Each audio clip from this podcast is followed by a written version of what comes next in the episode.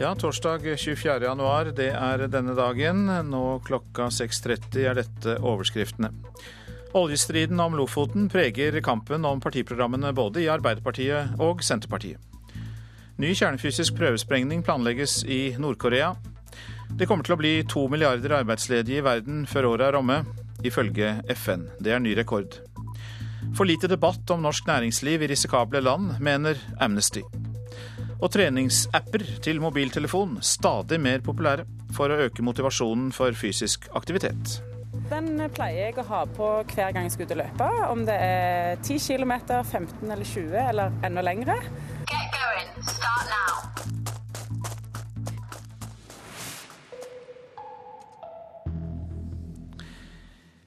Ja, her i studio i dag, Øystein Heggen, og jeg eh, vender meg straks mot deg først. Anders Magnus, du er vår Asia-korrespondent og er i Ny Delhi. For eh, i, der fortsetter rettssaken mot de fem mennene som anklages for å ha voldtatt og drept en 23 år gammel kvinnelig student. Og det er altså en spesialdomstol. Og eh, du skal jo følge med på dette. Hva skal foregå i rettssaken i dag? I dag så blir det høring og de første innleggene i saken, men bak lukkede dører. Journalistene får ikke lov til å slippe inn i rettssalen. Så uh, Dette er innledningsforedraget som begynner i dag, men det er også nå bestemt at saken skal gå for denne hurtigdomstolen. For vanligvis er det jo slik i India at man starter en høring, så kan det gå en uke eller en måned til neste dag retten settes osv. Så, videre. så slik at sånne eh, voldtektssaker har kunnet dra langt ut i tid, mange år. Nå har myndighetene bestemt at det skal være eh, rettssak hver dag, og eh, man skal forsøke å få til en ganske rask konklusjon på, på denne saken. Det at slike voldtektssaker har trukket ut i tid, har jo ført til sterk kritikk. og Nå har en kommisjon lagt fram anbefalinger for å endre politiets arbeidsmåte. Kan du si litt om det? Ja, Det er eh, en eh, juristkommisjon som har blitt eh, nedsatt av myndighetene, som la fram sine anbefalinger i går. Og det, De kommer også med voldsom kraftig kritikk, særlig mot politiet og den måten de ikke bare behandlet denne, dette unge paret som ble angrepet i bussen, men også hvordan de generelt sett behandler kvinner, og spesielt voldtektsofre. Det er veldig ofte at politiet i India anbefaler kvinner som har blitt voldtatt, om at de skal la være å anmelde saken, eller at de behandler kvinner på en veldig eh, dårlig måte. Nå har eh, denne kommisjonen eh, foreslått at politiet, lover som, som, angår politiet skal endres kraftig. At politifolk som behandler kvinner på den måten skal straffes at politifolk som deltar i salg, kjøp og salg av kvinner, skal straffes med livstid. Men ikke minst så har de foreslått en rekke endringer i loven som angår behandling av kvinner som har blitt voldtatt. Blant annet at man skal fjerne den såkalte tofingertesten, som har vært obligatorisk ved, for voldtektsofre. At Eh, de blir framstilt for en lege, som oftest en mann, som eh, stikker to fingre inn i vagina for å finne ut om kvinnen har vært seksuelt aktiv eller ikke. Og hvis hun har vært seksuelt aktiv, så regnes det ikke som voldtekt. For så er det i dag i India ingen lov som gjør at en mann kan anklages for å ha voldtatt sin, sin kone. Takk skal du ha, Anders Magnus. Du følger altså denne rettssaken som pågår i Ny Delhi. Vi holder oss til Asia. Regjeringen i Nord-Korea planlegger en ny kjernefysisk prøvesprengning og testing av flere langdistanseraketter rettet mot USA, melder offisielle nordkoreanske nyhetsbyrået KCNA. Nord-Korea har tidligere utført to atomprøvesprengninger. En nordkoreansk rakettoppskyting før jul førte til at FNs sikkerhetsråd onsdag skjerpet sanksjonene mot landet. De nye sanksjonene mot Nord-Korea ble vedtatt av et enstemmig sikkerhetsråd i New York, som også fordømte rakettesten. Bare timer etterpå erklærte Nord-Korea sine planer om å trappe opp sitt atomprogram. Vi legger ikke skjul på at satellittene og langdistanserakettene samt den kjernefysiske høynivåtesten er rettet mot vår erkefiende USA, heter det i en uttalelse fra landets forsvarskommisjon i dag. De oppgir ikke noe tidspunkt for når den planlagte prøvesprengingen skal skje, men eksperter tviler på at de nordkoreanske langdistanserakettene er i stand til å nå USA.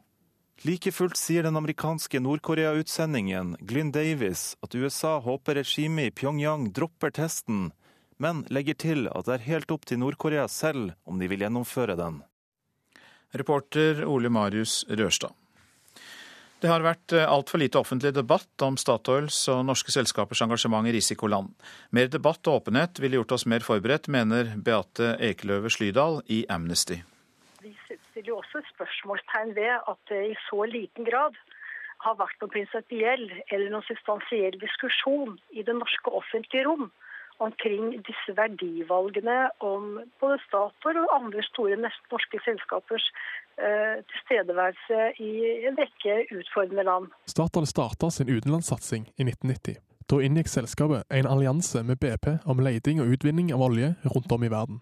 Men satsingen ble lite diskutert i stortingssalen. Det viser en gjennomgang NRK har gjort av spørretimespørsmål siden 1987. Veldig få av partiene på Stortinget eh, åpnet for eller utfordret eh, regjeringen til noen debatt på det. Eh, og dette er jo et selskap som staten er en stor eier i, så det er jo for så vidt den norske stat som har foretatt disse vurderingene også, og som står bak de prioriteringene. Ekeløve Slydal mener at mer debatt vil gjøre norske selskaper mer forberedt når de etablerer seg i risikable land. Man ville kanskje fått noen resonnementer omkring eh, hvordan man eh, skal gå frem for å sikre i enda større grad at man ikke havner i en situasjon hvor man gjør seg veldig sårbar. Eh, og med det sier ikke Amnesty at uh, Statoil har gjort noe feil i dette prosjektet her i Algerie. Gunnar Berge var stortingsrepresentant for Arbeiderpartiet da Statoil meisla ut sin internasjonale satsing på slutten av 1980-tallet. Han avviser at politikere har vegra seg for å ta debatten. Spørretimen er kanskje ikke den beste indikatoren på uh, debatten i det offentlige rom i det offentlige, eh, altså i media, og blant eh, folk som var engasjert i, i denne type problemstillinger, så mente, mener jeg at det var et, et betydelig eh, engasjement omkring det. Men det er klart at når problemene oppstår, som vi har fått illustrert nå de siste dagene, så føler kanskje mange at en burde hatt en enda mer omfattende diskusjon om saken. Eke Løve Slydal i Amnesty mener at selskapene sjøl òg må bidra for at vi skal få en skikkelig debatt om risikoen ved å drive virksomhet i farlige land? Altså, vi vet at flere norske selskaper har eh, gått på noen svært lite eh, hyggelige eh, utfordringer, gjort seg noen svært lite hyggelige erfaringer i flere land i verden. Men dette er ikke offentlig informasjon. Det betyr at dette er ikke informasjon som man kan ha opp til diskusjon, til debatt, eh, og som eh, flere enn selskapet selv kan lære noe av. Gunnar Berge, som i dag er styreleder i statens eget oljeselskap Petoro, tror oljebransjen sjøl lærer av hverandres erfaringer. Det, det kan godt være at uh, det burde vært uh, større oppmerksomhet omkring det. Men det er klart at selskapet uh, de analyserer jo alle hendelser og situasjoner, og, og forsøker å ta lærdom av disse. Og systematisk bedre sikkerhetsforholdene. Det er jeg ganske overbevist om. Det sa tidligere direktør i Oljedirektoratet og eh, tidligere Arbeiderpartipolitiker Gunnar Berge til reporter Rolf Christian Toppdal. Oljestriden om Lofoten kommer til å prege Senterpartiet framover, etter at det kom en uventet innstilling til nytt partiprogram. Også i Arbeiderpartiet forbereder man seg på kamp. Miljøbevegelsen kaller det en skjebnevår for Lofoten. Flertallet i komiteen mener at den delen som tidligere har vært åpen, fortsatt, at man skal kunne åpne for ny aktivitet der. Mens eh, et stort mindretall, som jeg sjøl er en del av, vi ønsker ikke det. Senterpartiets nestleder Trygve Slagsvold Vedum legger i dag frem politikk han er uenig i. Nestleder Ola Borten Moe og støttespillerne vant frem. Et stortingsvedtak fra 1994 bør bli virkelighet til høsten, mener de. Jeg foreslår å gå videre i et område som denne regjeringa har valgt å eh, ikke gå videre i nå. Det rød-grønne vernet av hele området er bare midlertidig. Kampen står igjen på nytt denne våren. Litt eller ikke noe. Borten Moe kaller forslaget sitt et kompromiss. Natur og Ungdom Silje Lundberg rister på hodet. Og det er bare tull. Dette er ikke et kompromiss i det hele tatt. Dette er en åpning av et av de områdene som alle miljøetatene har advart mot. Eh, og det at Senterpartiet sin programkomité nå går inn for det, det er svært bekymringsfullt. I Ap kjemper AUF-leder Eskil Pedersen. Han håper på hjelp. Jeg håper jo selvfølgelig eh, at Senterpartiet sier nei til å åpne Lofoten Vesterålen. Jeg mener at vi ikke skal åpne opp noe i disse områdene nå. Derfor så kommer vi til å jobbe for den formuleringen. Borten Moe fikk flertall da Senterungdomsleder Sandra Borch ga sin støtte til det de kaller et kompromiss. Landsmøtet til Senterungdommen gikk i november mot oljeutvinning i Lofoten. Svikter Borch sine egne? Skjønner at mange kan tolke det dit. Eh, derfor ønsker jeg også å forklare det til landsstyret mitt før jeg, før jeg sier det i media. Så du mener et rom i vedtaket som gir deg anledning til å stemme som du gjør? Det skal jeg forklare for landsstyret. I Senterpartiets programkomité er det syv mot fem.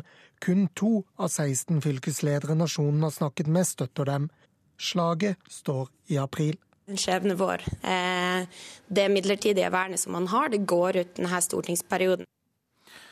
Reportasjen var laget av Lars Nehru Sand.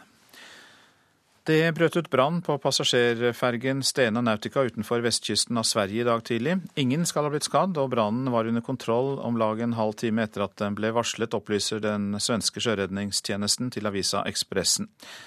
Men eh, etterarbeid eh, pågår fortsatt, eller foregikk fortsatt ved halv seks-tiden. Fartøyer i nærheten er varslet, og helikopter og redningsmannskaper er på vei, sier eh, Ann Sofie Karlsson fra Sjøredningssentralen.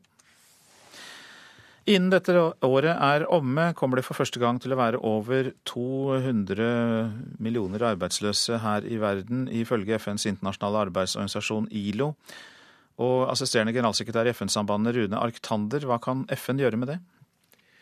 FN eh, vil bidra med eh, gi anbefalinger til politikere om eh, hva slags tiltak som, som er nødvendig for å snu trenden. Altså, vi har sett en lavere økonomisk vekst gjennom hele 2012 som førte til økt arbeidsledighet. Men dette var etter to år hvor man har hatt en eh, nedgang i ledigheten. Eh, det er Europa som er særlig eh, preget av den lavere veksten. Og anslagene for 2013 og 2014, som du sier, vil i løpet av året føre til at vi har over 200 millioner arbeidsledige for første gang i historien. Norge har jo vært eh, mye skjermet fra arbeidsledighet. Eh, hvordan ser framtida ut for oss? Nei, altså Det er ingen selvfølge at uh, Norge heller vil være ikke være preget av denne lavere veksten og, og, økt arbeidsledighet. Men anslagene som både norske politikere og, og norske økonomer har sagt, er at vi ser ikke noen, forsku, noen forskuelig framtid at Norge skal ha noen stor økning i arbeidsledigheten. Du nevnte jo eh, økningen i arbeidsledigheten i Europa som et bidrag til at det øker. Eh, hvor ellers i verden er det man ser en eh, klar arbeidsledighet eller en økning i den? Det er en generell økning i arbeidsledigheten. Særlig i Øst-Asia har man sett en, en stor økning. Eh, men altså det er selve, eh, selve Europa som, som, også skaper en, en usikkerhet som, som, gjør at ledigheten eh, stiger andre steder. Vet FN noe om hvilke yrkesgrupper som er mest utsatt? Nei, altså det er en Størrelsesorden på, på, dette tallet tilsier at det er ikke noen arbeidsgrupper som er spesielt, spesielt utsatt. Dette er et generelt problem. Eh, og man må eh, gjøre tiltak som, som sikrer at eh, usikkerheten blir borte. At man får en forutsigbarhet i, i de økonomiske markedene som gjør at investorer igjen ønsker å investere og skape jobber. Hvordan er det med ungdomsledigheten? For da snakker vi jo om hvordan framtida skal se ut, hvordan ungdommene har det vis-à-vis -vis yrkeslivet. Ja, Dette er et, en stor utfordring. Altså, vi ser nærmere 75 millioner unge mennesker som står uten jobb. Og tregheten i den økonomiske utviklingen tilsier at det vil få en eh, enda større økning. I dag så er vi ca. 12,6% som, eh, som er arbeidsledige. Og når man ser på Sør-Europa, så er jo dette tallet dramatisk høyt. Altså over 50% i noen, eh, noen av landene. Og det, det, vi har fryktet, er jo at man vil få en tapt generasjon som står lenge utenfor arbeidslivet og ikke har mulighet til å komme inn igjen. Takk for at du kom, Rune Arktander, som altså er generalsekretær i eh, FN-sambandet. Så skal jeg si litt om det avisene skriver på sine forsider i dag. Sykelig forhold til sunn mat er oppslaget i Adresseavisen. Ortoreksi er en spiseforstyrrelse med overdrevet fokus på sunn mat og trening. 23 år gamle Hanne Oppsal forteller at hun var så besatt av å spise laks at kroppen kunne ha blitt forgiftet. Kommunetoppene gir gass i egen bil, skriver Bergens Tidende. Toppbyråkrater og politikere ga blaffen i kommunens oppfordring om å la bilen stå, da avisa sjekket bilbruken i går. Ikke la barna trene under giftlokket, er oppslaget i Bergensavisen. Å trene i forurenset luft kan utløse barneastma, sier lungelege. Derfor lyver vi for barna om sex, død, krig, skilsmisse, rus, sykdom og fedme, skriver VG. Avisa ber oss lese psykologenes tips om når vi kan lyve eller ikke. Barnehagene er nøkkelen til finsk skolesuksess, skriver Dagsavisen. Varm mat, små grupper, personlig læreplan og høy kompetanse i finske barnehager ligger bak landets skoleeventyr. De mange uhellene med de nye hybridbussene i Tromsø er tema i Nordlys. Ved større belastning i bratte bakker går bussene automatisk over fra elektrisk drift til diesel. Da kan bussene begynne å spinne og havner i grøfta. Fem av Norges største bedrifter omsatte for 100 milliarder kroner i risikoland, skriver Aftenposten. Norske selskaper lokkes ut i en verden av korrupsjon, politisk uro og terror. Er det verdt risikoen, spør avisa. Det flyter med vestlige våpen i Nord-Afrika, er oppslaget i Vårt Land. Borgerkrigen i Libya førte til at terrorister fikk tak i mange av dem. Seks personer styrer Norges viktigste rente, får vi vite i Dagens Næringsliv. De skal avdekke juks med interbankrenten Nibor der selv ørsmå endringer gir store utslag for bankene. Nei til EU vil ha samarbeid med Storbritannia og Sveits, skriver Klassekampen. Norge må skape et nytt europeisk samarbeid med de EU-skeptiske landene, foreslår Nei til EU. Og ja-general Pål Frisvold foreslår norsk folkeavstemning om EØS-avtalen, skriver Nasjonen i dag. Lederen av Europabevegelsen mener at britenes statsminister David Cameron var ærlig og oppriktig i går, og at det bør holdes en folkeavstemning om forholdet til EU også i Norge. Kuldesjokk også i februar. Det skriver Dagbladet om.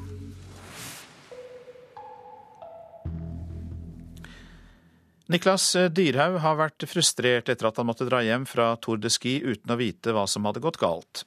Forventningene var store til den 25 år gamle langrennsløperen etter gjennombruddet i fjor, men årets sesong har vært en stor skuffelse.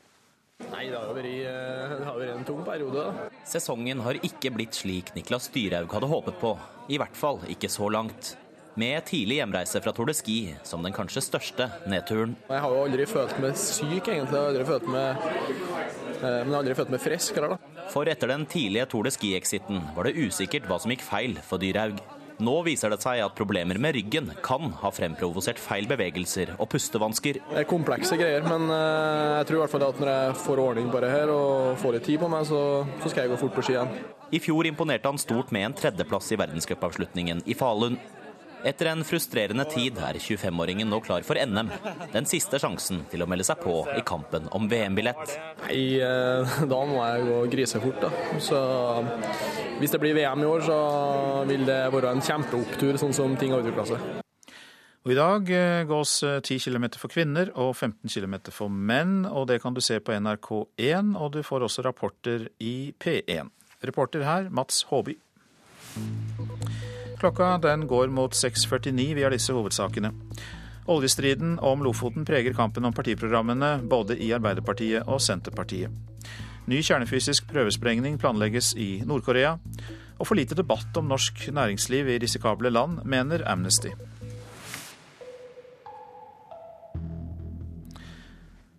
Den 25 år gamle mannen som ble funnet i går morges i Dalsfjorden, er den fjerde som har omkommet etter ulykker i anleggsbransjen siden i sommer.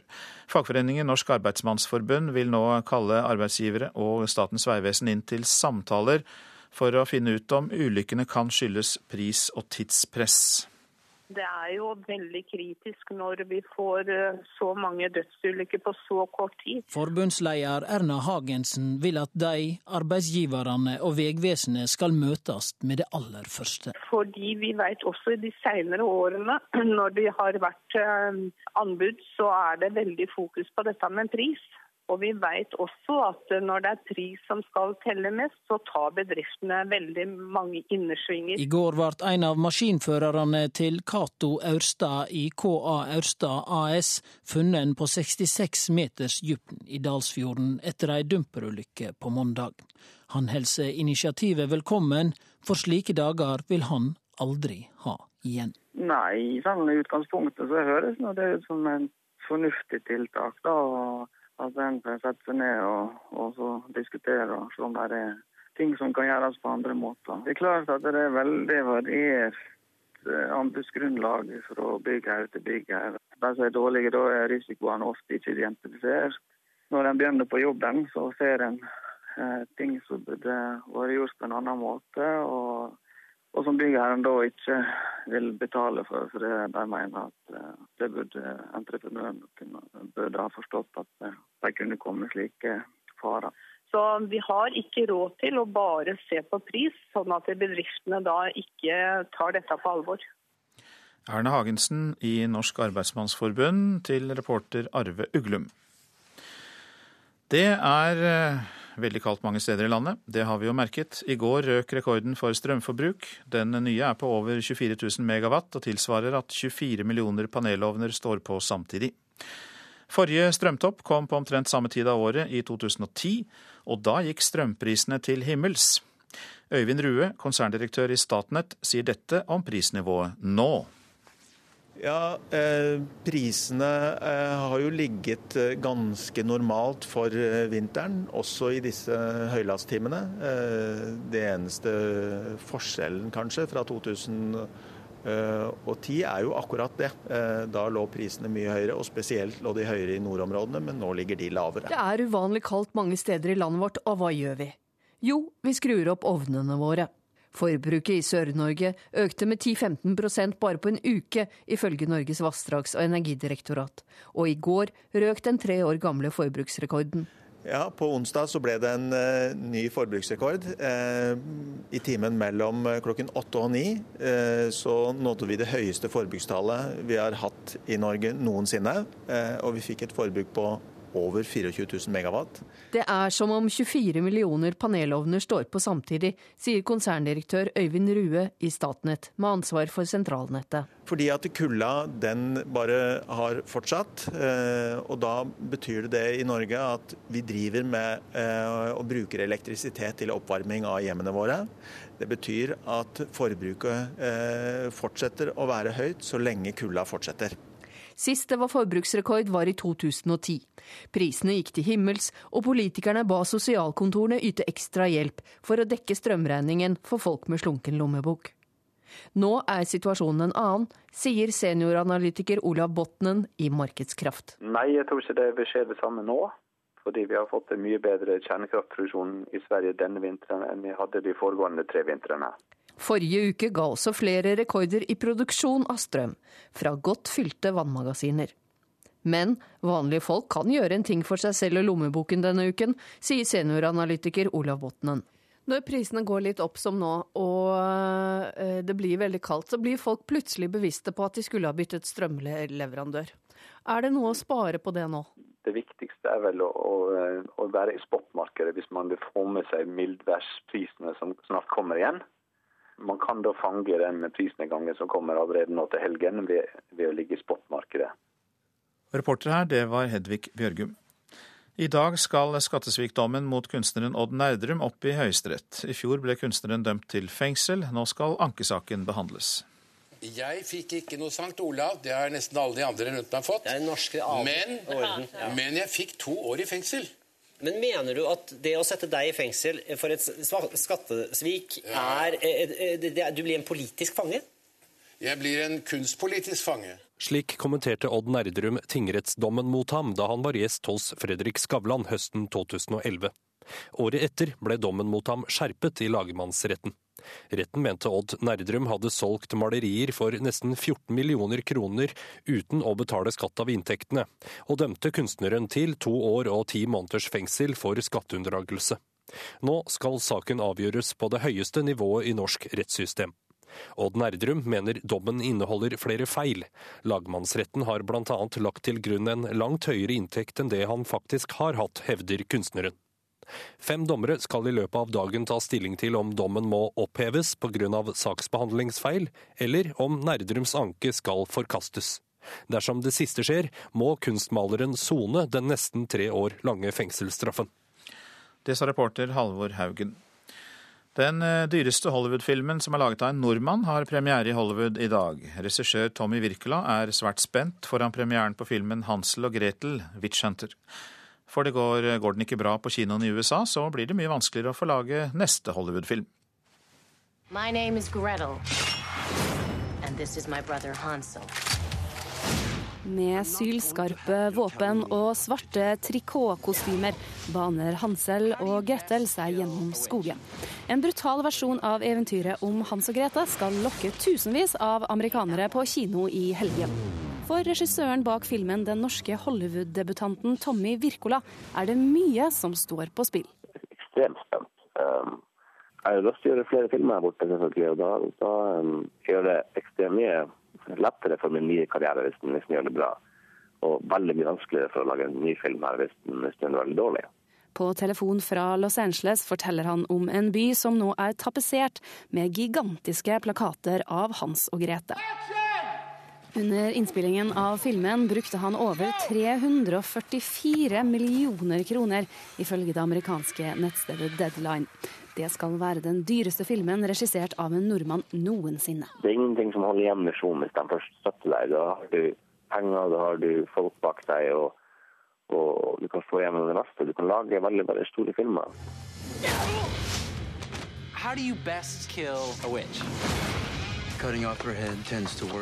I morgen har den premiere i USA og 19 andre land.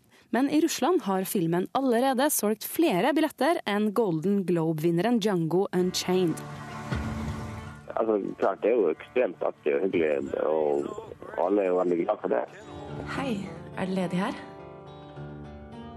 Ja visst faen er det ledig. I Norge er han kjent for filmen 'Kill Buljo'. Planen er at han skal regissere den norske storfilmen om Birkebeinerne.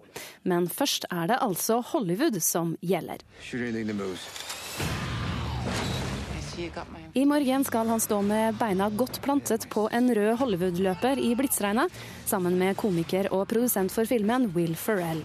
Den eneste Hollywood-stjernen Wirkola virkelig har blitt satt ut av.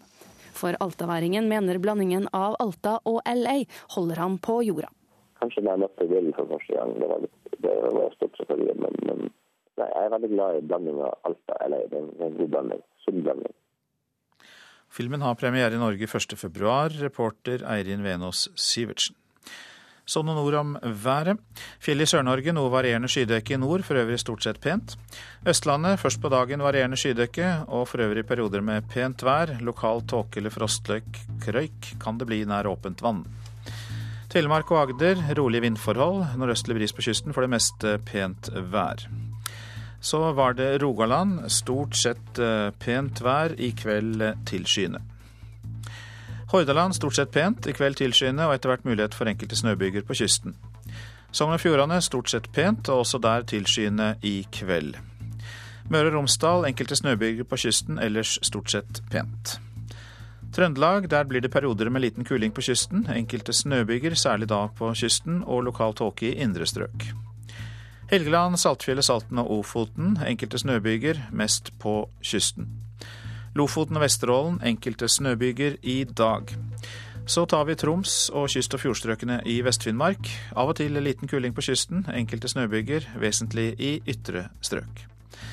Finnmarksvidda spredte snøbyger i nord, ellers stort sett pent vær. Øst-Finnmark nordøstlig liten kuling, seinere bris av skiftende retning. I kveld opp i liten kuling av skiftende retning på kysten. Det blir eh, snøbyger i Øst-Finnmark, men eh, mest av det på kysten. Nordensjøland på Spitsbergen, der blir det delvis skyet oppholdsvær i dag. Så tar vi med oss temperaturene som ble målt klokka fire i natt. Svalbard lufthavn minus tolv, Kirkenes minus fire. Vardø minus tre, Alta minus to, Tromsø-Langnes minus tre. Bodø null grader, Brønnøysund minus tre. Trondheim-Værnes minus fem. Det samme var det i Molde, minus fem grader.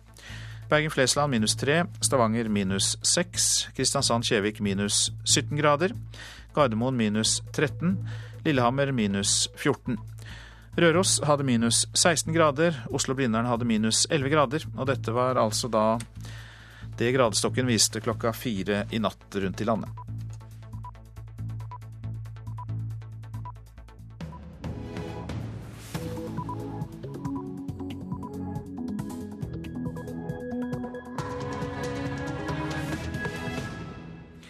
Klokka er sju, og du lytter til Nyhetsmorgen med Øystein Heggen i studio. Her er en nyhetsoppdatering. Over 230 enslige asylbarn har forsvunnet fra norske asylmottak de siste fire årene. Redd Barna ber norske myndigheter om å gjøre noe. Det er jo veldig bekymrende. Alle barn som forsvinner er jo eh, urovekkende. En forsvinning er en for mye. Andrea Sjøvold i Redd Barnas ungdomsorganisasjon. Ofrene i saker der kriminelle ikke kan straffes, må ivaretas bedre. Det krever Stine Sofies stiftelse. Det handler om ivaretagelse av den gruppa som ikke opplever å bli ivaretatt i eh, lovverket som det er utforma i dag. Lovverket er ikke tilpassa ofrene, det er tilpassa eh, gjerningspersonen. Sier styreleder i stiftelsen Stian Tobiassen. Tidligere lå Norge i verdenstoppen i forventet levealder. Nå er vi langt nede på lista. Det er vel kanskje ingen grunn til at ikke Norge skulle ligge helt på topp i verden når det gjelder både eh, helsefriske leveår og eh, forventet levealder. Direktør for Folkehelseinstituttet Camilla Stoltenberg og helseminister Jonas Gahr Støre kommer også i studio for å kommentere dette. Islamistene nord i Mali har ødelagt infrastruktur. Det gjør det vanskelig å få informasjon fra området. Kalde kirker skaper problemer om vinteren. I Birkenes kirke har organist Reidar Sløgedal fått sitt eh, eget partytelt for å holde varmen. På en søndag så kan jeg føle meg litt sånn innestengt og utenfor menigheten, og så føler jeg kanskje at de er misunnelige. Jeg har det så godt og varmt, og, og så videre. Sporløst forsvunnet fra asylmottak. Det gjelder 237 enslige asylbarn de siste fire år. I fjor forsvant 85 personer mellom 15 og 18 år. De fleste hadde fått vedtak om at de skal sendes tilbake til landet de først flyktet til, viser en rapport fra Press, som er ungdomsorganisasjonen til Redd Barna. Leder der, Andrea Sjøvold, ber myndighetene gripe inn. Det verste er at man vet ikke hva som skjer med disse barna. De eh, kan være utsatt for menneskehandel, eller de kan gått under jorda. De er bare barn, men på flukt fra fortida, helt alene i land de ikke kjenner. Over 500 ganger de siste fire åra har ansatte på norske asylmottak funnet senga til enslige asylbarn tom, rommet tomt. 237 er fremdeles sporløst borte. Det er jo veldig bekymrende. Alle barn som forsvinner er jo eh, urovekkende. En forsvinning er en for mye. 70% av barna som er borte, har fått beskjed om at de skal sendes tilbake til landet i Europa de først kom til, i tråd med Dublin-avtalen. Vi vet jo at grenselandene ut til Afrika og Asia er, er ganske, i ganske krise for tida, økonomisk krise, og rent generelt har ganske dårlig behandling av asylsøkere. Og de vil ikke tilbake dit. Etter at reglene kom, har tallet på asylbarn som har gått under jorda økt kraftig. Barn må ikke inkluderes i denne ordninga, fordi det eh, gjør en allerede sårbar gruppe, som disse enslige asylsøkende barn er, til en eh, enda mer sårbar gruppe. Styresmaktene kan gjøre unntak fra regelen. Stortingsrepresentant for SV Aksel Hagen mener det må gjøres oftere, og på sikt at barn som har flykta hit skal få saka si behandla her uansett. Disse her unge her, de har hatt det såpass strevsomt med å komme hit til landet vårt. Og da bør vi behandle saken deres her på en skikkelig måte framfor at vi skal gi utsette dem for den ekstra byrden som det er å sende dem tilbake på en ny reise, tilbake til det landet de først kom inn i. Men innvandringspolitisk talsmann i Frp, Morten Ørsal Johansen, er ikke enig. Vi forholder oss til de avtaler vi har, og så får vi etterleve dem så, så, godt vi kan. Og så får vi prøve å returnere så fort som overhodet mulig. Men eh, er det noen som da blir borte og utnyttet, så, så er det tragisk. Men eh, for å løse det eh, for Norges del, så er det å returnere dem til de landene de kommer fra. Og så får de ta seg av eh, de utfordringene det er med å eventuelt returnere dem til, eh, til riktig land. Og vi legger til at Justisdepartementet foreløpig ikke vil kommentere saken. Reporter Eirin Årdal. God morgen, psykolog Carl Eldar Evang. God morgen. Du har engasjert deg i behandlingen av asylbarn her i Norge. At barn forsvinner, det skaper jo skrekk, fortvilelse. Men så er det ikke helt den samme reaksjonen når asylbarn forsvinner. Nei, og det er eh, et stort eh, problem og et stort paradoks at eh, vi ikke omfatter asylbarna med den omsorgen som vi gir til andre barn i Norge. Vi har jo et ganske stort samfunnsnettverk, eller finmasket nettverk, for å fange opp når barn får problemer i Norge. Vi har helsevesenet, vi har fastlege, vi har skolefritidsordning. Eh, vi har barnevern. Veldig mye av dette eh, nettverket, eh, samfunnsnettverket trekkes med vilje tilbake når det dreier seg om barn som lever i en asylsituasjon, som jo er de mest sårbare barna vi har. Men hvordan har de det, de barna som forsvinner? Hvor er de, hvordan har de det?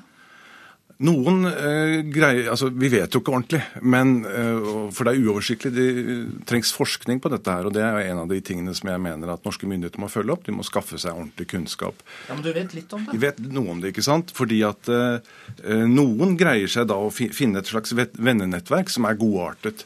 Mens andre, som da si, går og leter etter en omsorg som de har mistet ved flukten, og som de heller ikke finner i, i det norske systemet på asylmottaket, hvor de går og driver kanskje uten å få, skole, få, få skoleoppfølging, kanskje uten å få en ordentlig omsorgssituasjon, kanskje uten at de blir fulgt opp på psykiske vansker eller andre ting. De får ikke en meningsfull sammenheng. Så leter de etter omsorg, og da står de jo veldig til for hugg for si, voksne med dårlige intensjoner, som tilbyr i gåseøynene omsorg, og som kan trekke dem inn f.eks. i kriminalitet eller prostitusjon, som, som, vi også vet at noen havner i. Og eh, havner de da i disse kriminelle nettverkene i Norge eller i utlandet? Det er vanskelig å vite også, fordi at man mister oversikten. Men, men en situasjon som er, som jo er inni dette innslaget her, er jo at dette, denne Dublin-ordningen gjør at barn sendes tilbake til land som f.eks. til Italia, som, som, er overbelastet, hvor det er tusenvis av flyktninger, og hvor eh, barn eh, på en måte forsvinner fullstendig for systemet. og eh, Ingen tar vare på dem, og man vet ikke ordentlig hva, hva som skjer med dem. Og Da eh, ligger det åpent for, for å utnytte barn. Hvordan kan framtida til disse barna bli lysere? Hvordan kan færre forsvinne?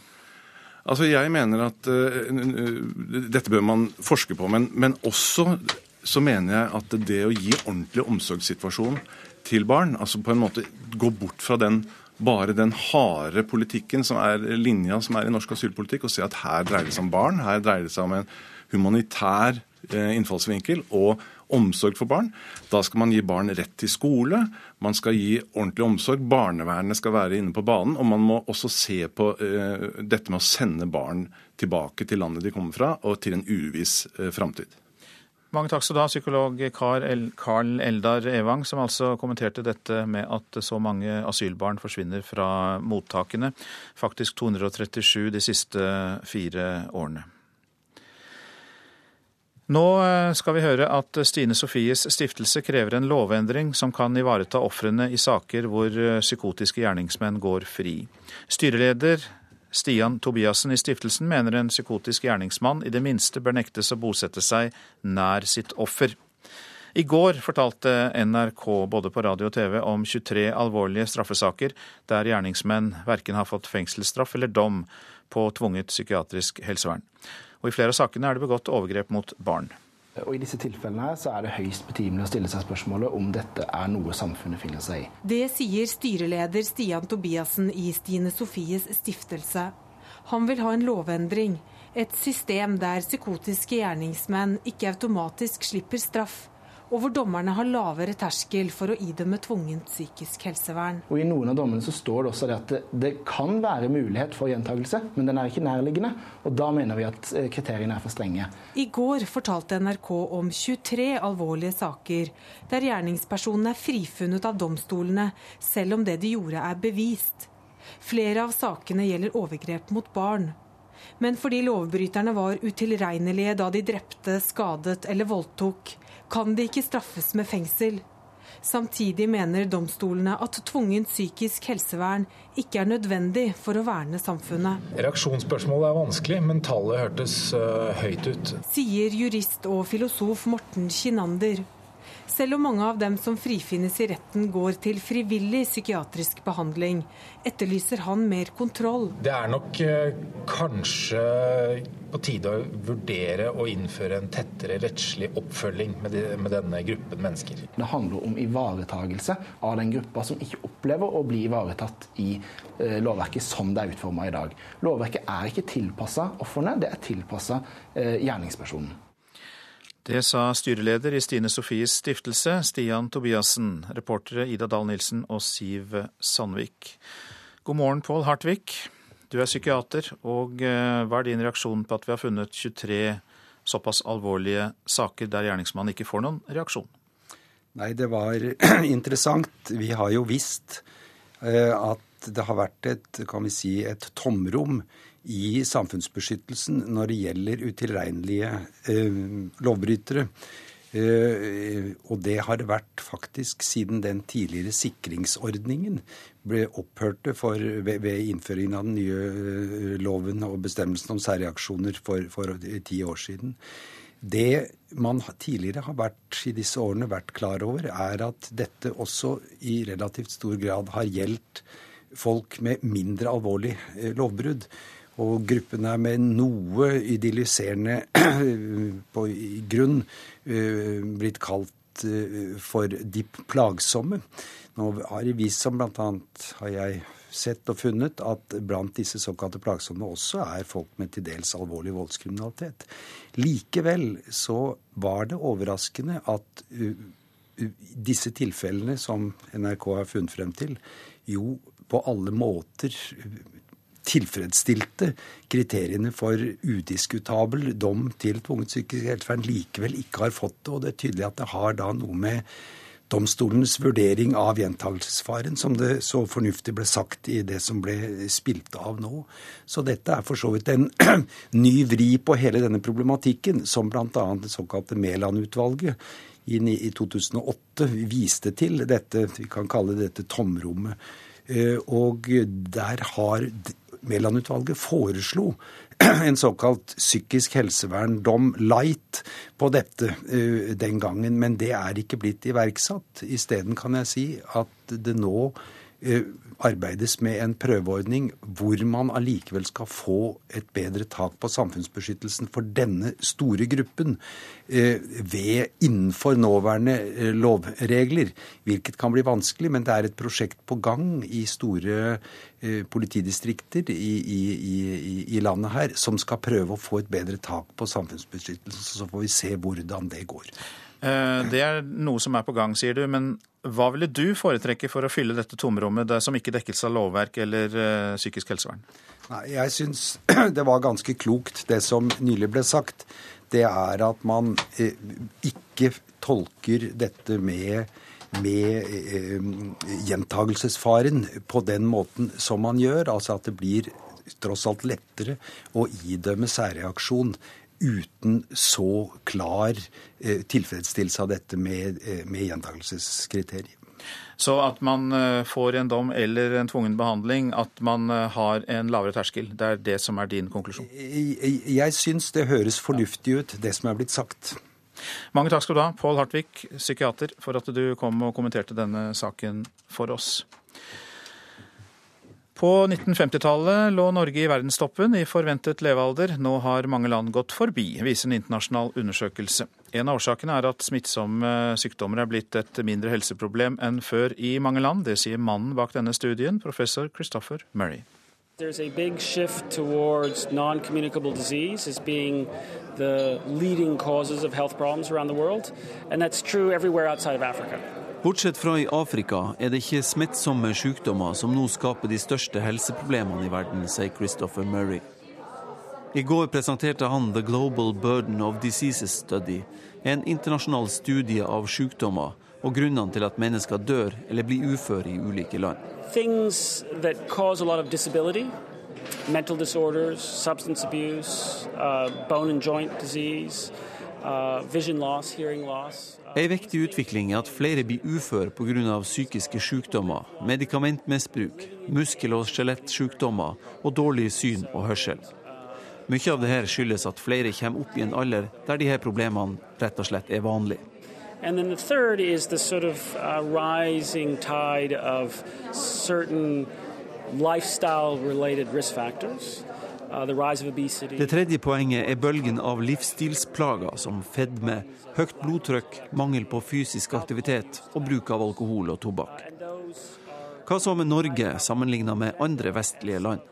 Jo, vi har gjort store framskritt på 20 år, og folk lever lenger her i landet enn før. Men påfallende mange av oss har vondt i ryggen. Og vi har f.eks. mer hudkreft og mer tjukktarmskreft og endetarmskreft enn i andre land.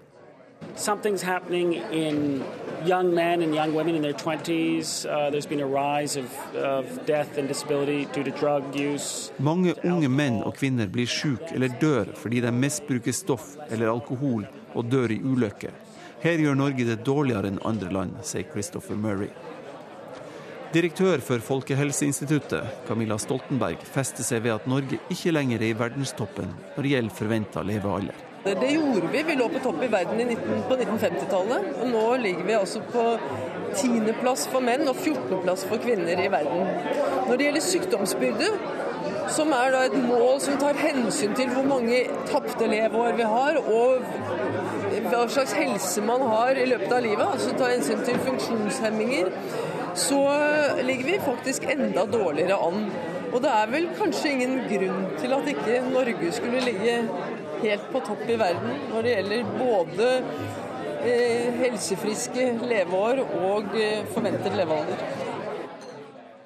Camilla Stoltenberg til slutt, og reporter Kjartan Røslett. Helseminister Jonas Gahr Støre, god morgen.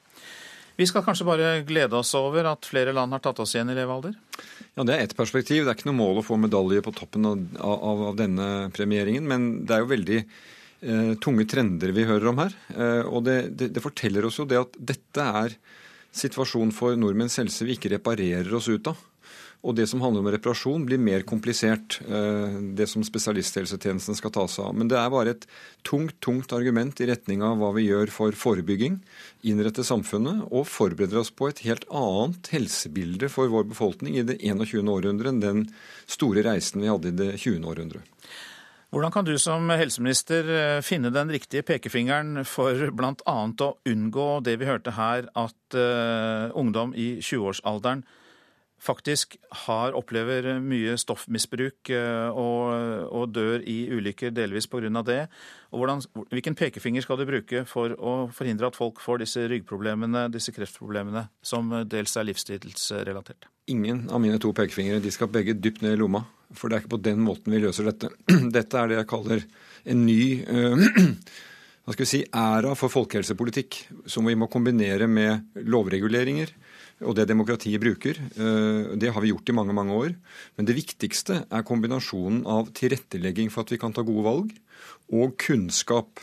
Og så tror jeg vi må sette fokus på ikke hva en minister kan, kan, kan, si i alle mulige mikrofoner, selv om man bør bruke dem.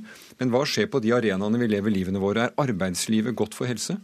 Er skolen og barnehagen legger til rette for at barn kan ta gode valg? Vi vet at det er store sosiale forskjeller i det mønsteret vi nå ser. Har vi godt samspill med frivillige, kultur, idrett? Dette handler jo veldig mye om beveger vi oss nok og riktig, og spiser vi nok og riktig. Det er veldig viktige temaer som er i kryssen mellom hva jeg velger, og hva samfunnet legger til rette for. Spennende arbeid. og jeg legger frem en stortingsmelding om dette i løpet av våren, hvor vi håper å få en bred samfunnsdebatt som skal gå inn i alle mulige deler av, av samfunnslivet vårt.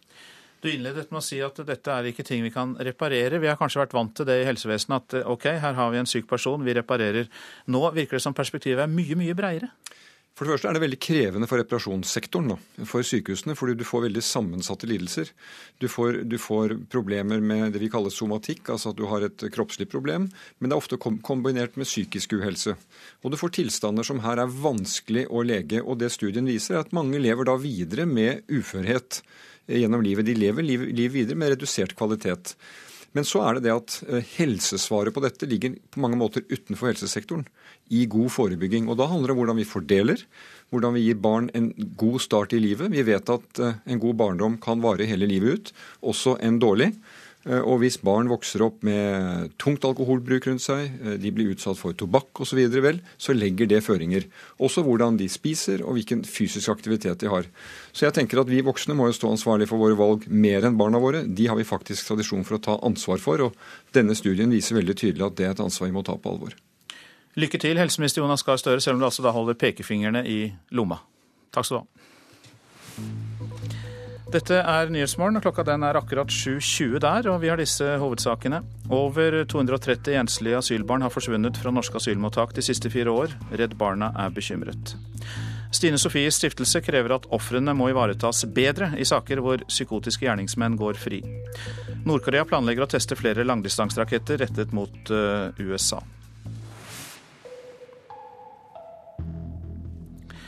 I Mali er det bekymring for hva islamistene har ødelagt av infrastruktur. Det bidrar til informasjonstørke fra krigssonen i nord. Du er med oss fra Malis hovedstad Bamako, sør i landet, Afrikakorrespondent Lars Sigurd Sunnanå. Hva er de siste informasjonene du har om det franske felttoget for å drive islamistene ut?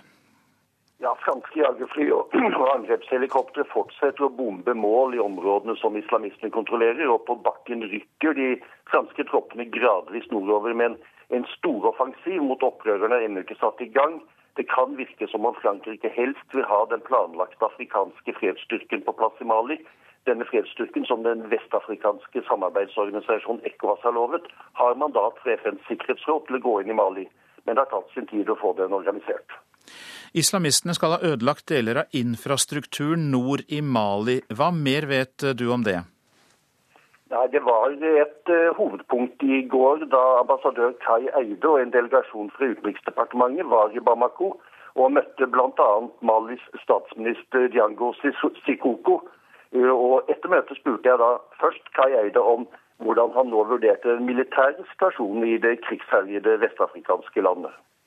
Det er klart Den ble jo veldig vanskelig da opprørerne gikk uh, sørover. Og kom fram til byer som jo ville ha vært veldig viktige Eh, for denne ECOWAS-styrken som etter planen skal komme inn så fort som mulig. Eh, og Det var eh, viktig at franskmennene reagerte. De har møtt med stor oppslutning her i Bamako, også i det internasjonale samfunn. Og det forstår jeg godt. Var, det var en viktig intervensjon. Men det er fortsatt en meget vanskelig situasjon. Det som er helt åpenbart, er at franskmennene ønsker den afrikanske styrken inn så fort som mulig. Hvordan er den humanitære situasjonen? Det vi har snakket om mest her med maliske myndigheter, er jo den politiske og humanitære situasjonen. Eh, midt i dette militæret som pågår, så må man også få fram at det er politiske behov. Det er behov for å hjelpe dem når det gjelder valget. Det er behov for å hjelpe dem til å bygge opp den grunnleggende infrastrukturen når landsbyer og byer blir frigjort i nord. Det har vi snakket om som et helt avgjørende element, og også hele forsoningsproblematikken på lokalt plan når forhåpentligvis konflikten er over. Hvilken tidshorisont ser du? Det er veldig vanskelig å si. Det avhenger selvfølgelig av hvor raskt den militære aksjonen kan gå.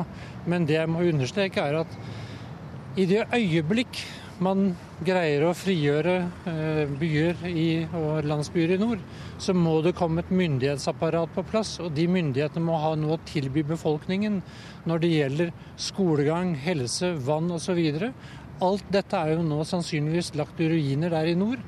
Og befolkningen forventer selvfølgelig at eh, myndighetene kan levere så raskt som overhodet mulig. Og det må planlegges i dag.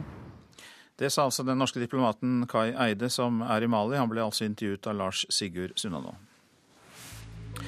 Så hva avisene skriver i dag. Sykelig forhold til sunn mat er oppslaget i Adresseavisen. Ortoreksi er en spiseforstyrrelse med overdrevet fokus på sunn mat og trening. 23 år gamle Hanne Oppsal forteller at hun var så besatt av å spise laks at kroppen kunne ha blitt forgiftet. Kommunetoppene gir gass i egen bil, skriver Bergens Tidende. Toppbyråkrater og politikere ga blaffen i kommunens oppfordring om å la bilen stå, da avisa sjekket bilbruken i går. Ikke la barna trene under giftlokket, er oppslaget i Bergensavisen. Å trene i forurenset luft kan utløse barneastma, sier lungelege. Derfor lyver vi for barna om sex, død, krig, skilsmisse, rus, sykdom og fedme, skriver VG. Avisa ber oss lese psykologenes tips om når vi kan lyve og ikke. Barnehagene er nøkkelen til finsk skolesuksess, skriver Dagsavisen. Varm mat, små grupper, personlig læreplan og høy kompetanse i finske barnehager ligger bak landets skoleeventyr. De mange uhellene med de nye hybridbussene i Tromsø er tema i Nordlys. Ved større belastning i bratte bakker går bussene automatisk over fra elektrisk drift til diesel. Da kan bussene begynne å spinne og havner i grøfta. Fem av Norges største bedrifter omsatte for 100 milliarder kroner i risikoland, skriver Aftenposten. Norske selskaper lokkes ut i en verden av korrupsjon, politisk uro og terror. Er det verdt risikoen, spør avisa. Det flyter med vestlige våpen i Nord-Afrika, er oppslaget i Vårt Land. Borgerkrigen i Libya førte til at terrorister fikk tak i mange av dem. Seks personer styrer Norges viktigste rente, får vi vite i Dagens Næringsliv. De skal avdekke juks med interbankrenten Nibor, der selv ørsmå endringer gir store utslag for bankene. Nei til EU vil ha samarbeid med Storbritannia og Sveits, skriver Klassekampen. Norge må skape et nytt europeisk samarbeid med de EU-skeptiske landene, foreslår Nei til EU. Og ja-general Pål Frisvold foreslår norsk folkeavstemning om EØS-avtalen, skriver Nasjonen. Lederen av Europabevegelsen mener at britenes statsminister David Cameron var ærlig og oppriktig i går, og at det bør holdes en folkeavstemning om forholdet til EU også i Norge. Og så er det Dagbladet. Kuldesjokk også i februar, får vi vite der. Og apropos det. Kalde, trekkfulle og dårlig isolerte kirker er ubehagelig både for kirkegjengere og ansatte. Birkenes kommune i Aust-Agder har hatt befaring i sine kirker for å finne tiltak som kan redusere strømbruken i framtida, men likevel holde kirkene varme. Et av tiltakene innebærer riktignok at organisten spiller i et partytelt. Du, nå sitter jeg ved orgelet i Birkenes, inne i ei lita hytte vi har bygd over orgelet. Organist Reidar Sløgedal trenger ikke lenger være redd for kalde fingre når han spiller i dette gjennomsiktige partyteltet. Eh, ja, det er noe som eh, min kjære kirketjener Sigmund fant på her for en stund siden. Han hadde noe partytelt liggende hjemme på loftet og fant ut at vi, vi kan eh, konstruere en sak rundt orgelkassa her. Og så, så, går det an å sitte her og ha det greit midt i uka, iallfall, og på vinterstid. For ja, en satt jo og frøys her en del noen ganger før. Og dette partyteltet som dekker orgelet, har allerede bedra arbeidshverdagen hans betraktelig. Det er jo veldig greit å gå over her, men samtidig på en søndag så kan jeg føle meg litt sånn innestengt og utenfor menigheten, og så føler jeg kanskje at de er misunnelige. Jeg har det så godt og varmt og, og så videre. Men eh, nei, jeg tror de har forståelse for, dette, for denne saken her. For denne kirka fra midten av 1800-tallet er, som mange andre kirker i dette landet, svært kalde på vinterstid. Ja, nå er det ti grader her inne, så eh, det er litt varmere enn i dag morges, men eh, det er lang, lang, vei opp til 21. Sier Henriette Solum, kirketjener i Birkenes kirke. Men verre var det da hun kom på jobb forrige søndag. Alle veggene her var helt glasert av is eh, når vi kom på søndag, og da var det vel likevel 16 grader der inne. Men da var det da var det is. Så det, det var kaldt. Birkenes kommune har sammen med kirkeverget Mailis Sørbotn nylig hatt befaring i flere kirkebygg for å finne enøktiltak for å få opp varmen og få ned strømbruket i fremtida. Ja, det blir jo å spare på sikt, fordi at en investering koster jo noe. Men på sikt så håper vi jo at vi kan spare en god del. Kanskje at vi kan få ned halve til strømforbruket til det alle. Støtte fra Enova, det statlige organet for miljøvennlig energiomlegging, kan være redninga for iskalde kirkebygg rundt om i landet. Men kirkebygg har som oftest vært for små for å komme inn under tilskuddsordningene. Enova har fått mye kritikk for denne ordninga, og fjerner nå minstekravet for å søke om støtte. Det som vi har jobba med, er å gjøre si, dørstokken inn til Enova mye lavere. Sier rådgiver i Enova Frode Olav Gjerstad. I tillegg så har vi heva støttenivået, og vi har gjort det også mye enklere å søke Enova. Så vi har tatt kritikken veldig på alvor, og tror også at kirkebygg i dag vil finne det mye mer attraktivt å søke Enova. Og mens kirka jobber videre med sine enøktiltak, jobber organisten videre under plastikken. Ja da, det er faktisk trivelig der inne. God luft og Reporter her, Mairi MacDonald. Russerne trekker ut flere statsborgere fra Syria. Det hører vi mer om i reportasjen etter Dagsnytt. Prosent for Nyhetsmorgen, Jean-Rik Bjørnskaug. Her i studio, Øystein Heggen.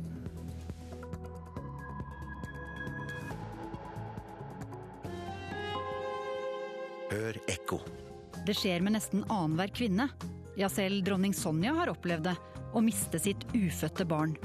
Da bloggeren Susanne fortalte om sin spontanabort, eksploderte det på nett. Hvorfor er noe så vanlig så vanskelig å snakke om? Ekko 9 11 i NRK P2.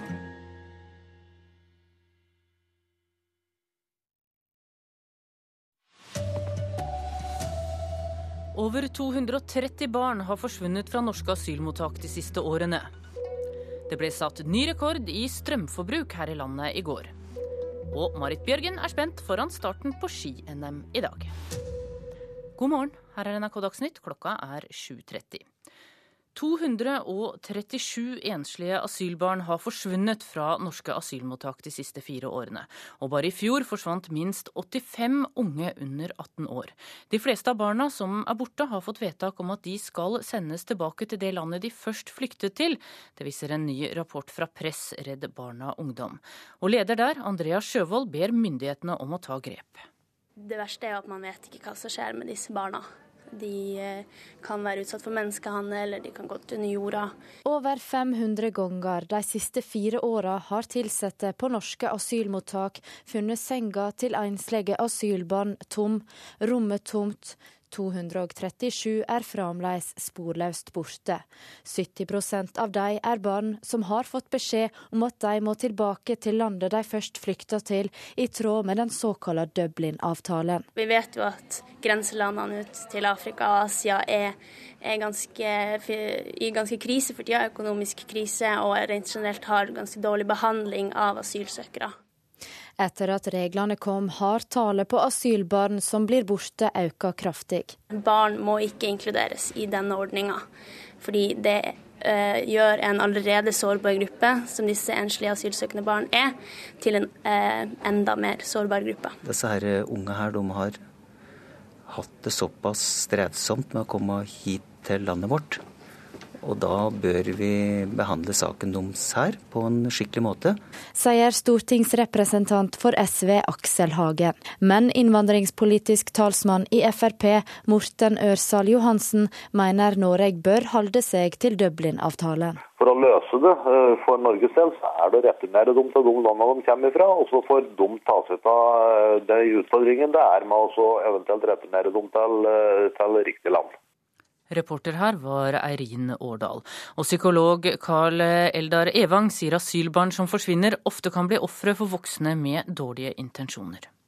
Eh, noen greier seg da å finne et slags vennenettverk som er godartet, mens andre, som da si, går og leter etter en omsorg som de har mistet ved flukten, og som de heller ikke finner i, i det norske systemet på asylmottaket, hvor de går og driver kanskje uten å få, skole, få, få skoleoppfølging, så leter de etter omsorg, og da står de jo veldig til for hugg for si, voksne med dårlige intensjoner, som tilbyr i gåseøynene omsorg, og som kan trekke dem inn f.eks. i kriminalitet eller prostitusjon, som, som vi også vet at noen havner i. Ja, Justisdepartementet vil foreløpig ikke kommentere denne saken. Oljestriden om Lofoten kommer til å prege Senterpartivåren etter en uventet innstilling til nytt partiprogram. Også i Arbeiderpartiet forbereder man seg på kamp. Miljøbevegelsen kaller det en skjebnevår for Lofoten. En skjebnevår. Det midlertidige vernet som man har, det går ut denne stortingsperioden. NU-leder Silje Lundberg kaller det en skjebnevår. Det de feiret, var bare midlertidig. Nå står omkampen, og flertallet i Senterpartiets programkomité vil starte leteboring i deler av Lofoten. Dermed må Trygve Slagsvold Vedum presentere en tekst han ikke står inne for. Flertallet i komiteen mener at den delen som tidligere har vært åpen, fortsatt at man skal kunne åpne for ny aktivitet der. Mens eh, et stort mindretall, som jeg sjøl er en del av, vi ønsker ikke det. Stortinget sa ja i 1994. Til nå har regjeringen vernet. Ola Borten Moe har snudd programkomiteen, men foreløpig ikke landsmøtesalen. Jeg foreslår å gå videre i et område som denne regjeringa har valgt å eh, ikke gå videre i nå. Han kaller forslaget et kompromiss. Lundberg rister på hodet. Og det er bare tull. Dette er ikke et kompromiss i det hele tatt. Dette er en åpning av et av de områdene som alle miljøetatene har advart mot. I Ap kjemper AUF-leder Eskil Pedersen. Han håper på hjelp. Jeg håper jo selvfølgelig eh, at Senterpartiet sier nei til å åpne Lofoten Vesterålen. Jeg mener at vi ikke skal åpne opp eh, noe i eh, disse områdene nå. Derfor så kommer vi til å jobbe for den formuleringen. Slaget står i april. Det sa reporter Lars Nehru Sand. Stine Sofies stiftelse krever en lovendring som ivaretar ofrene i saker der psykotiske gjerningsmenn går fri. Styreleder i stiftelsen Stian Tobiassen mener en psykotisk gjerningsmann i det minste bør nektes å bosette seg i nærheten av offeret.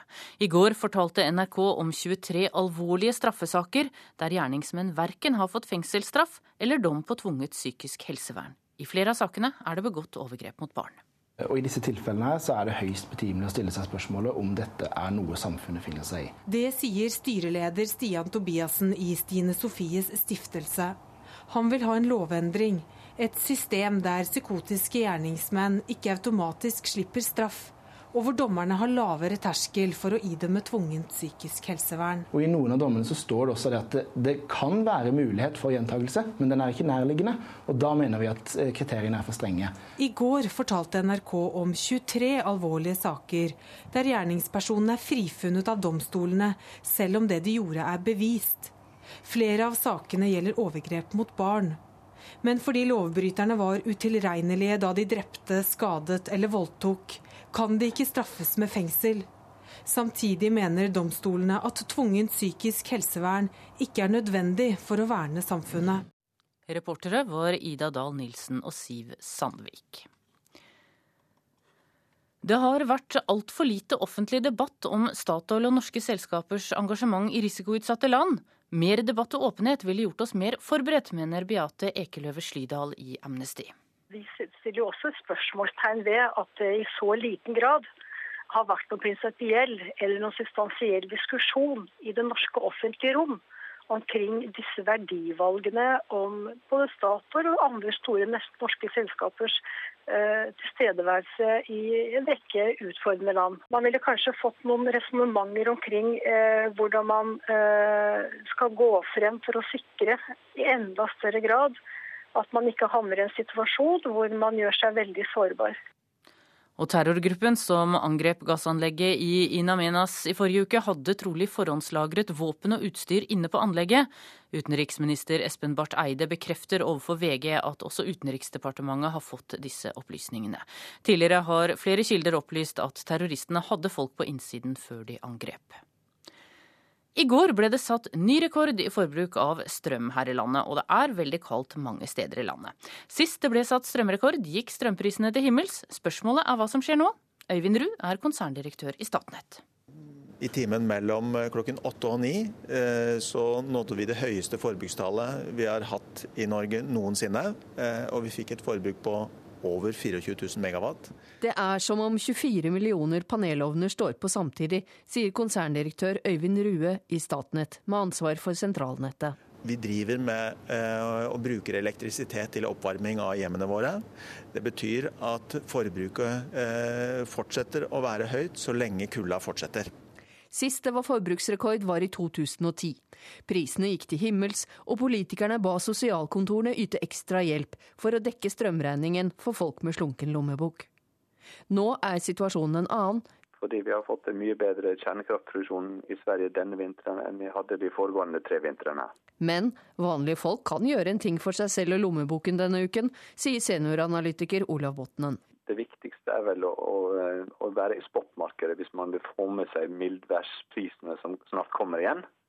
Man kan da fange den prisnedgangen som kommer allerede nå til helgen ved, ved å ligge i spotmarkedet. Analytiker Olav Botnen ble intervjuet av Hedvig Bjørgum.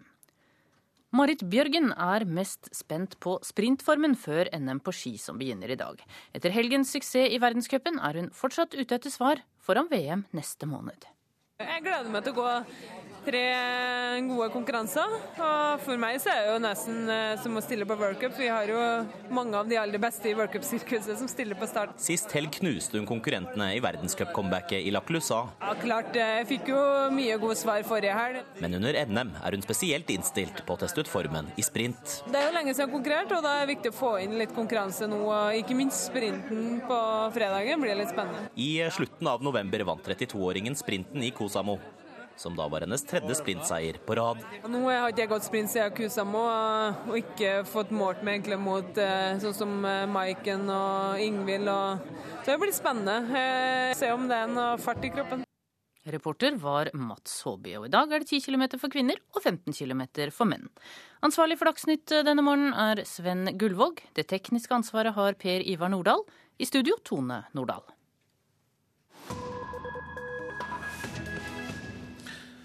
Nyhetsmorgen fortsetter. I Moskva landet to fly med russiske statsborgere fra Syria i går. Russland avviser at de er i gang med en masseevakuering, men det tolkes som et tegn på at Russland har mistet troen på Assad. Russerne som ankom Moskva er blant de få heldige. Syrere flest har ikke lenger noe sted å flykte. En liten jente i pen, sort kåpe med mørke musefletter vinker alvorlig idet hun kommer inn i ankomsthallen på flyplassen i Moskva. Mon tro hva hun har opplevd de siste årene. Tirsdag måtte hun vinke hjemmet sitt farvel, og stige om bord i bussen som fraktet henne sammen med andre kvinner og barn over grensen til Libanon, der flyet til Russland ventet på dem. Hva så hun på veien? Albert Alamart, som ankommer med samme fly, forteller. Situasjonen er alt fra rolig. Det pågår kamper. Vi fikk hjelp og muligheten til å reise, og de hjalp også barn. I Syria forsøker FN å hjelpe fire millioner mennesker. To millioner av dem befinner seg i flyktningeleire, mens de andre to millionene forsøker å overleve i sine egne hjem. Men hver dag må nye familier gi tapt, og forlate gård og grunn for å søke ly for bomberegnet. Vi ringer kontakter i Syria for å høre hvordan det går.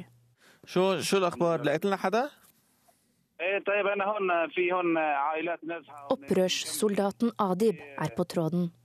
NRK møtte ham i Tyrkia i høst, da han ble operert for granatskader. Nå er han tilbake på syrisk side av grensen og bistår flyktninger, siden han ikke lenger kan kjempe. Vi har opprettet en flyktningleir, men kapasiteten er sprengt. Vi har verken nok drivstoff, mat, vann eller klær til å holde folk i live. I går frøs en mann i hjel, forteller Adib. Fortvilelsen dirrer i luften utenfor leiren. Køen av biler og folk er så enorm at selv ikke Adib slipper inn. Han gir mobiltelefonen sin til en gutt som ligger i baksetet på en bil, så vi får snakke med noen av flyktningene. Vi flyktet fra Hama i morges, da de begynte å bombe igjen. Vi var så redde at vi la på sprang, men de angrep oss med klasebomber. Fetteren min mistet armen, og bena i leggene mine er knust. Smertene er forferdelige, men brødrene mine hjelper meg, forteller 15 år gamle Mohammed Saj. Bilen de sitter i, har ikke et eneste vindu igjen. Trykkbølgene fra bombene har knust glasset. Nå står frostrøyken rundt dem og gjør smerten i bena uutholdelige. Adib gir mobiltelefonen videre til en familiefar i en annen bil. Det er ikke plass i leiren. Det er vinter, og vi har små barn med oss. Hvor skal vi dra? Folk sitter mellom trær og steiner her. Det hadde vært bedre å bli hjemme under bombingen enn å oppleve denne ydmykelsen her, sier Abu Fahed. Men hadde familien egentlig noe valg? Fahed forteller at krigsfly angrep om dagen, mens de ble bombet av kanoner om natten. Mandag morgen kastet familien seg i bilen og satte klampen i bånd. Vi flyktet fra døden, fra bombingen, men har kommet til ny død her. Jeg vet ikke hva jeg skal si til deg. En eldre dame får mobiltelefonen til sist.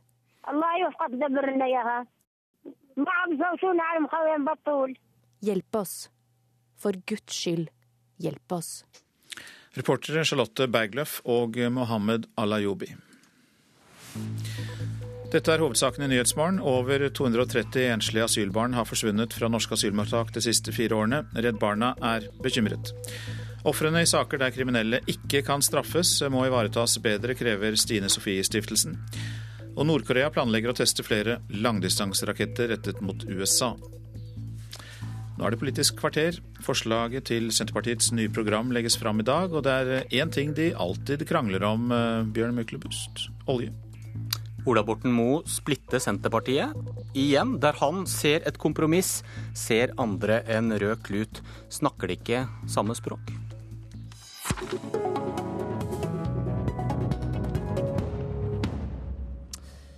Nestleder i Senterpartiet, Trygve Slagsvold Vedum, du har ledet arbeidet med det nye programmet. Hvor agrarliberalt er det programmet? Det Uttrykket agrarliberalt er jo blant de innspillene som kom i forbindelse med programprosessen. Og vi har et mer ideologisk retta program nå. Eh, der vi tenker hva er det vi, vi ønsker med en langsiktig forvaltning, at samfunnet skal bygges nedenifra, deling av samfunnsgoder, skal ta hele landet i bruk. Så vi er opptatt av det her liksom overordna prinsippene eh, i programmet. og og Et av innspillene var agrarliberalt, men jeg tror ikke ordet har kommet inn i programmet ennå. og Så får vi se om det kommer inn, i, inn på landsmøtet. Du snakker kanskje ikke samme språk som den andre nestlederen i Senterpartiet, Ola Borten Moe, når vi skal snakke om oljepolitikk heller? Jo, vi snakker samme språk. Og så er det Senterpartiet er jo et uh, praktisk miljøparti som er opptatt av å handle i miljøpolitikken. Og så er vi også et næringsparti. Og så er det da det her, hvordan er det å finne den naturlige balansen mellom miljø og næring.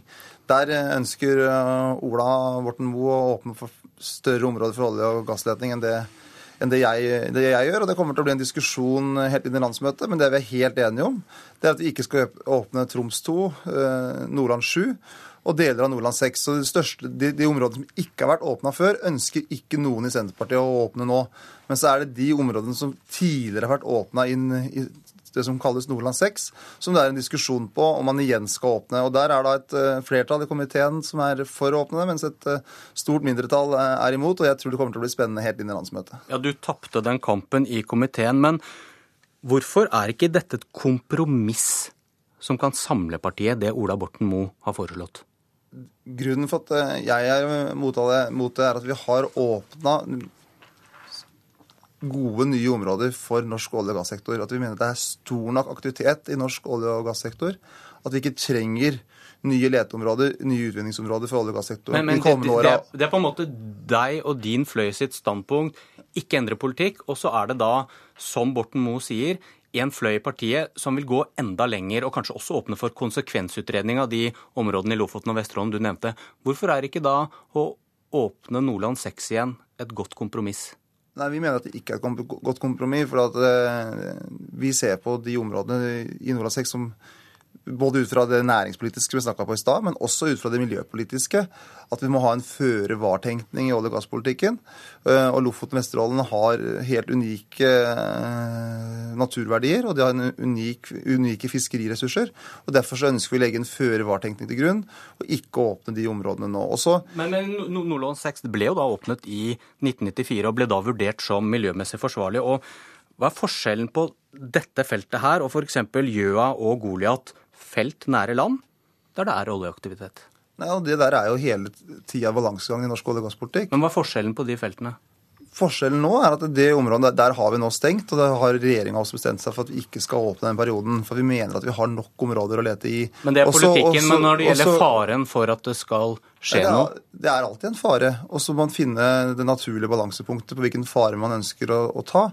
Og så mener vi at området rundt Lofoten og Vesterålen, både i forhold til eh, fugl, i forhold til fiskeriressurser, er, spesielt viktig å ha en ekstra, være ekstra varsomme, varsomme på. Derfor så har vi den varsomheten. Hele, altså på eh, største deler er jo alle i programkomiteen enige om at vi ikke skal åpne, men så er det den, den siste delen der noen av oss ønsker å være enda mer varsomme enn det flertallet ønsker. Men, men igjen, spørsmålet var om hefter det noe ved Nordland 6 som det ikke gjør ved f.eks. Gjøa og Goliat, som også ligger nære land? Altså, hovedpoenget er jo det her, de enorme fiskeriressursene som vi har utenfor Lofoten og Vesterålen. Eh, Det er eh, grunnområder, og vi ønsker og er også sårbare i forhold til, til fugl. og Derfor så eh, mener vi at vi skal holde igjen her. Og så er det den tilleggsdimensjonen som er veldig viktig, er at den måten vi styrer olje- og gasspolitikken på, er jo på hvilke områder vi skal åpne. Og hvor fort skal vi åpne nye områder. Eh, Og Der mener jo mindretallet at vi ikke bør åpne så fort som det flertallet ønsker, nettopp for å kunne styre eh, hvor stor del av landets investeringer som skal gå inn i olje- og gassektoren Må, må, må, må Senterpartiet bli enige om faktagrunnlaget her før man eh, bestemmer seg? For dere har helt tydelig Du har tydeligvis en ulik vurdering av hvor risikabelt det er å åpne i Nordland 6 enn f.eks. det er å drive oljevirksomhet på Gjøa og Goliat. Senterpartiet er jo et, vi er et miljøparti og, og opptatt av å, å, vektlegge miljøet sin, miljøet sin svært sterkt. Eh, men så er vi også et næringsparti, og det er å finne den balansen. Eh, heldigvis da, så er vi helt enige om størstedelen av Lofoten og Vesterålen at det skal ikke åpnes. Og så har vi den siste diskusjonen gjelder, gjelder Nordland 6. Og når du ser Senterpartiets historie òg, så har vi hatt, alltid hatt store diskusjoner om olje- og gasspolitikken. Hvor er det grensene skal gå? Vi hadde i sin tid også store konsekvenser om gasskraftpolitikken. Så sa vi nei til å innføre forurensende gasskraftverk i Norge, og det er ikke innført. Så veldig mange av de valgene som Senterpartiet har tatt i norsk olje- og gasspolitikk, det har hatt stor betydning for, eh, for Norge. Og de kompromissene som vi har funnet i partiet, er of, eh, svært ofte også blitt landets politikk. Og det tror jeg kommer til å skje nå også i forhold til eh, Lofoten og Vesterålen. Der vi ender opp, er det veldig stor sannsynlighet for også at landet Norge ender opp. Noen vil kanskje mene at det er de samme som kjemper for en annen oljepolitikk i Senterpartiet, som også er de som er minst glad i SV, og kanskje det rød-grønne prosjektet. Hva mener du? Jeg ser ingen sammenheng der. for at Det, det rød-grønne prosjektet har god støtte i partiet. Og så har vi, Når vi diskuterer partiprogram, så diskuterer vi hva vi mener er rett for oss. Hva vi mener er eh, rett for å sikre en langsiktig forvaltning av våre naturressurser. En forvaltning som ikke truer de framtidige mulighetene til å høste fiskeri, de framtidige mulighetene til å ha et, godt klima, de framtidige mulighetene til å ha et artsmangfold i Norge. Og det er å finne den naturlige balansegangen når det gjelder olje- og gasspolitikk, at vi ikke går for fort fram, at vi ikke setter andre verdier i fare med at vi ønsker å utvinne eh, de fantastiske ressursene vi har på norsk sokkel. Er programmet en varm invitasjon til et fortsatt rød-grønt samarbeid? Ja, det er det. For vi har én felles grunntone i det rød-grønne, og det er fordeling. At vi ønsker en bedre geografisk fordeling. Altså vi skal ha utvikling i hele Norge, ta hele Norge i bruk. Og på det andre området at vi ønsker en bedre sosial fordeling. Og det, brenner, det binder de tre rød-grønne partiene sammen på en felles plattform på en helt annen måte enn f.eks. når du ser Fremskrittspartiet og Høyre. Eh, Fremskrittspartiet og KrF, som står som motsetning på de nesten alle politiske områder, så har Frp og Høyre eh, og KrF helt med ulike mål, mens de rød-grønne partiene har ett felles mål, bedre geografisk og sosial fordeling. Der startet du en debatt uten motdebattant, men takk for at du kom, Trygve Slagsvold Vedum.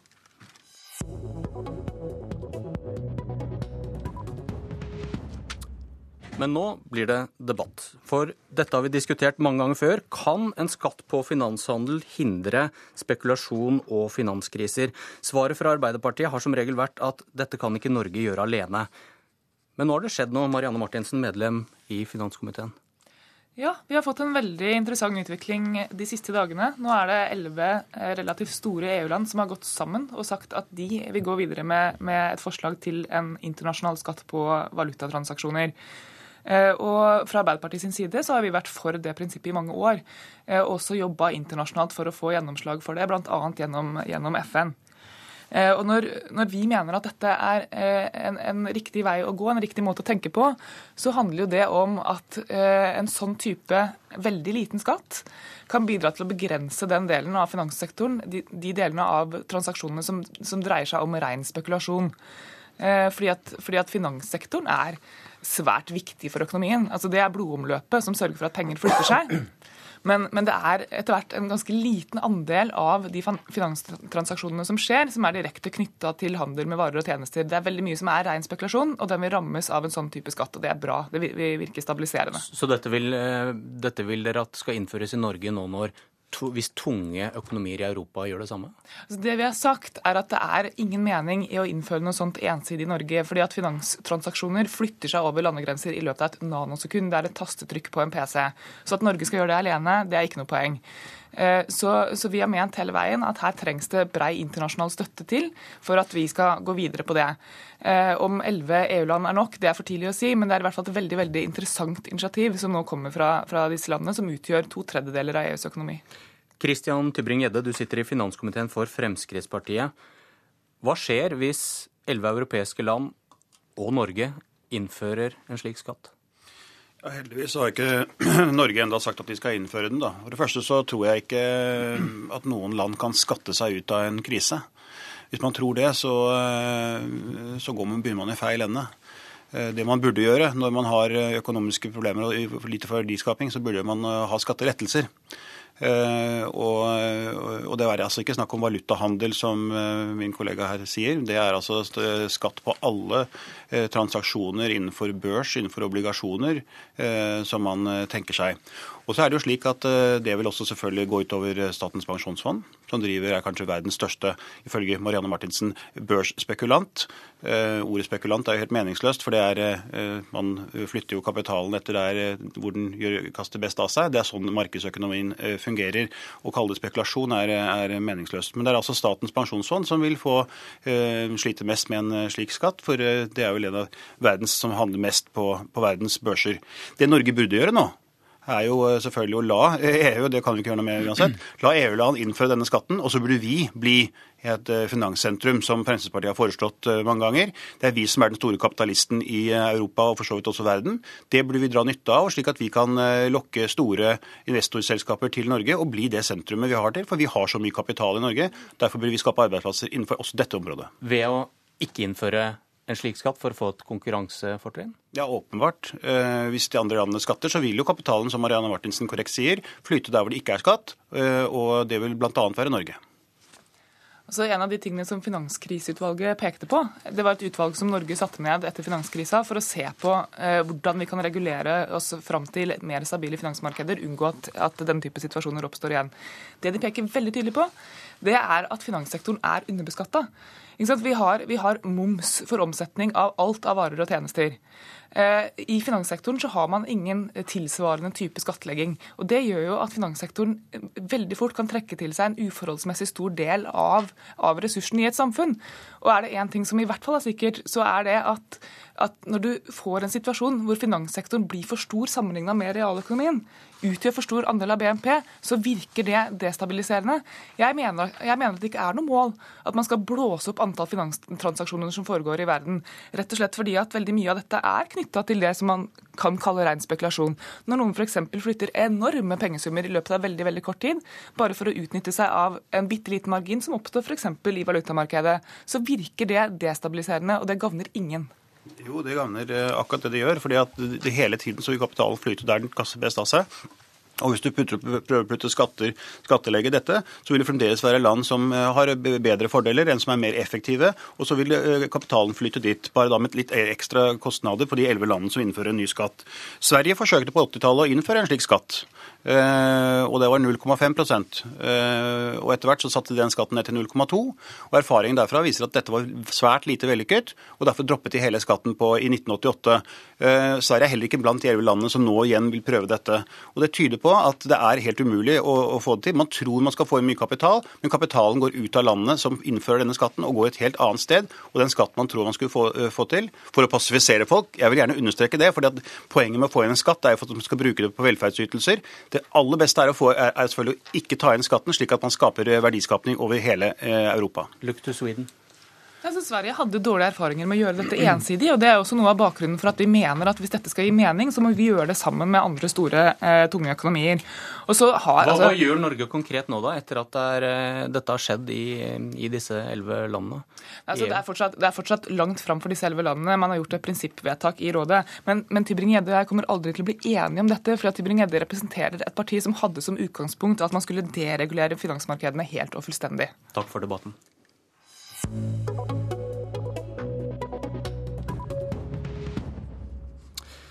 Brautende hordalendinger og sindige sogninger. Det vestlandske lynnet var tema i Stortingets spørretime i går. FrPs Gjermund Hagesæter spurte kommunalminister Liv Signe Navarsete.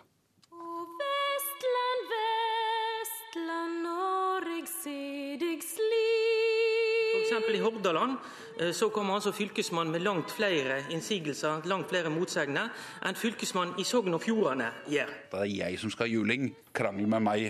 For jeg tåler det og, og liker det. Eh, og Da er jo spørsmålet hvorfor det er så mye flere innsigelser og motsegner i Hordaland enn i Sogn og Fjordane. Har det noe med at fylkesmannen i Hordaland, fylkesmannsembetet, er mer på hugget enn man er i Sogn og Fjordane? Eller har det med at innbyggerne i Sogn og Fjordane kanskje er mer enklere å ha med å gjøre, mer sindige, enn en hordalendingene er? Du veit ikke hva du snakker om. Og så skal jeg stå her og få kjeft. Ja, Statsråden får anledning til å kommentere til innenfor sitt konstitusjonelle eh, ansvarsområde. Navarsete, Navarseth, statsråd Navarsete, vær så god. Takk, president. Når det gjelder hvor sindige folk fra Sogn og Fjordane så har det jo versert rykte om at det finnes folk derifra som ikke er spesielt sindige. Men det kan hende at det er overdrevet, president. Ja. Reporter Lars Nehru Sand. Politisk kvarter er slutt. Jeg heter Bjørn Myklebust.